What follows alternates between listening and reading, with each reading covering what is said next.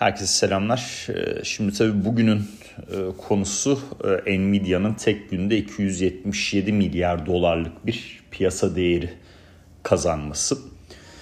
Ee, oraya gelmeden önce ama biraz ekonomik veriler tarafına bakalım. Dün e, Avrupa ve ABD'den Şubat ayına dair PMI verilerini aldık. ABD tarafında tabii ISM'ler daha önemli. Ama PMI e, verisini de görmemiz e, Ocak ayındaki verilere göre bir yavaşlama var mı yok mu bunu anlamak adına önemli. Şimdi Avrupa tarafında PMI verileri Avrupa bölgesinin toplam PMI verileri e, biraz daha bir iyileşme göstermiş durumda. Burada Fransa'nın daha olumlu ayrıştı. Almanya'nın imalat sektörünün oldukça kötü bir rakam paylaştığını görüyoruz. E, ama genel olarak e, Avrupa bölgesinin total PMI'yi bir miktar iyileşme gösteriyor Şubat ayında, Ocak ayına nazaran. E, bu euro açısından tabii pozitif. Yani son zamanlarda konuştuğumuz şeylere baktığımızda işte e, cari e, dengede iyileşme, maaş baskılarının bir miktar azalması, bir de PMI'ların e, hafiften toparlaması hala işte e, genel olarak daralma bölgesinde olsa da kötü bölgenin içinde bir iyileşme Birleşik PMI'da. E, Euro pozitif gelişme gelişmeler. E, dün de zaten Euro dolarda 1.0880'e kadar bir yükseliş yaşadık. Daha sonra ABD senatında FED üyelerinin e, faiz indirimleri konusunda temkinli olacağına dair açıklamalarıyla beraber e, tekrardan bir dolara talep arttı ama çok ciddi bir çalkantı da yaratmadı. Şu anda da işte bugün e, baktığımda euro dolarda 1.0830 seviyesini hatırlıyorum. E, ben baktıktan da raporlarımı yazarkenki süreç zarfında çok ani bir hareket olmadıysa tabii.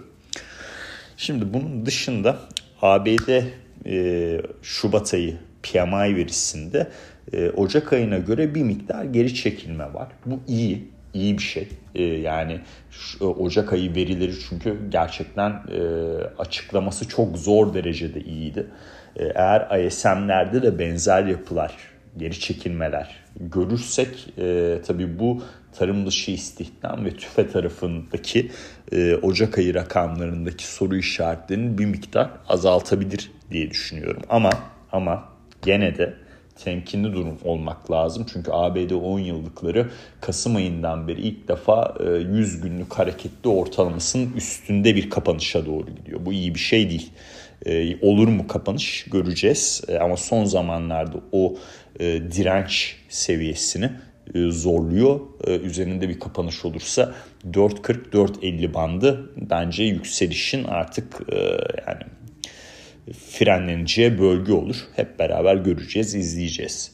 Tabii bütün bunlar olurken e, yapay zeka e, tarafında e, Nvidia'ya gelen e, alımlarla beraber e, ciddi bir endeks rallisi yaşadık. E, gece gece stoplandığım Nvidia bilançosu sonrası iyi olmuş. E, çünkü e, dün Nasdaq e, endeksi %3'ün e, üzerinde bir e, getiri gösterdi. S&P 500 %2 yükseldi. Tarihi bir rekor bir kapanış yaptı. Yani Şubat ayı 20 Şubat tarihli S&P 500 yıl sonu tahminlerine baktığım zaman yazılı analizde linkte bulabilirsiniz bunu podcast'in içine koyacağız. Birçok tahminin üzerindeyiz. Yani medyan 5000 biz ilk iki ayda bunun çok daha üzerine çıktık. Ya Mart ayında çok ciddi beklentilerde yukarı yönlü revizyon gelecek e, ya da e, kaçırdığımız büyük bir olay var. Şimdi 1999 tarzı bir balonda değiliz. E, çünkü gene o linkte bulabilirsiniz. Nvidia'nın 12 aylık takip eden hisse başı kar miktarlarına baktığımızda hisse grafiğine paralel bir şekilde yükselen bir yapı var ve ne zaman bilanço açıklasa beklenen FK oranında aşağı doğru gidiyor. Şimdi 99'da 1999'da bu tarz şeyler yaşanmıyordu. Ama eğer 1920'ler tarzı işte Roaring Twenties dediğimiz o bölgede e, genelde oradaki teknoloji devrimlerine benzetilen bir teknoloji devriminden bahsediliyor çünkü. E, aynı anda birçok alandan e, gelen devrimler. Sadece yapay zeka değil işte biyoteknoloji tarafı işte blok zincir tarafı vesaire çok ciddi bir farklı kollardan devrim içindeyiz. Eğer böyle bir e, yapıdaysak e, bugünün sonunda e, 2030'lara doğru giderken endeksleri çok enteresan yerlerde görmemize neden olabilir. Yani mesela e, yani Bloomberg e, ins pardon Business Insider'a işte Aralık 2023'te bir yazı koya yazısına baktığımda e, 2030 için 10 bin S&P 500'de hedef verenler vesaire oluyor. Ne kadar gerçekçi bilmiyorum. Olur mu? Ee, teknoloji devriminin büyüklüğüne göre değişecek. Hani yapay zekaya dair Şubat ayı düşünceleri e, sunumumda özellikle iki sayfa ekledim. Hani devrimin büyüklüğünü göstermek için ama ne kadar rakamlar rakamsallaşacak bu durum onu hep beraber yaşayarak göreceğiz. E, dolayısıyla bir miktar böyle e, hisselerdeki aşırı yükselişi e, temkinli duruşla izlemek daha mantıklı olabilir. E, yani düzeltme olmadı, olmayacak gibi de duruyor. E, dolayısıyla güm güm güm yukarı doğru gidiyoruz. E, rekor üstüne rekor kapanışlar. Yani rekor kapanış geleceğiyle ilgili e, bir tahminde bulunmuştum. O iyi gerçekleşti ama düzeltme ile ilgili tahminim çok gerçekçi olmadı.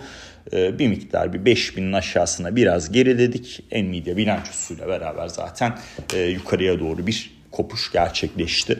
E, dün tabii teknoloji hisseleri, yapay zeka tarafı, çip sektörü yani bunların hepsi çok iyiydi.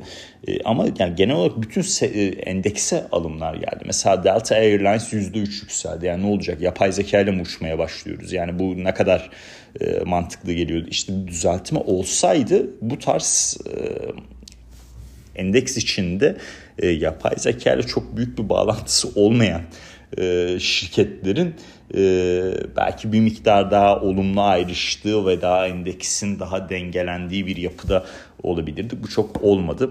E, yapacak bir şey yok. E, bu şekilde yükselişe devam. E, şu anda görülen o ki e, Mart ayında eğer yıl sonu endeks tahminlerine yukarı yönlü bir revizyon gelirse bunu bu yükselişi justify ederler. Eğer gelmezse e, benim diyecek çok bir şeyim yok açıkçası yani. Ee, ama 1920'ler tarzı bir fiyatlama içindeysek bunun olumsuz yönde etkileyeceği tarafta 1920'ler tarzı harcama stili olur mu noktasında. Hazır bugün de cuma günüyken e, biliyorsunuz Great Gatsby diye bir film vardı.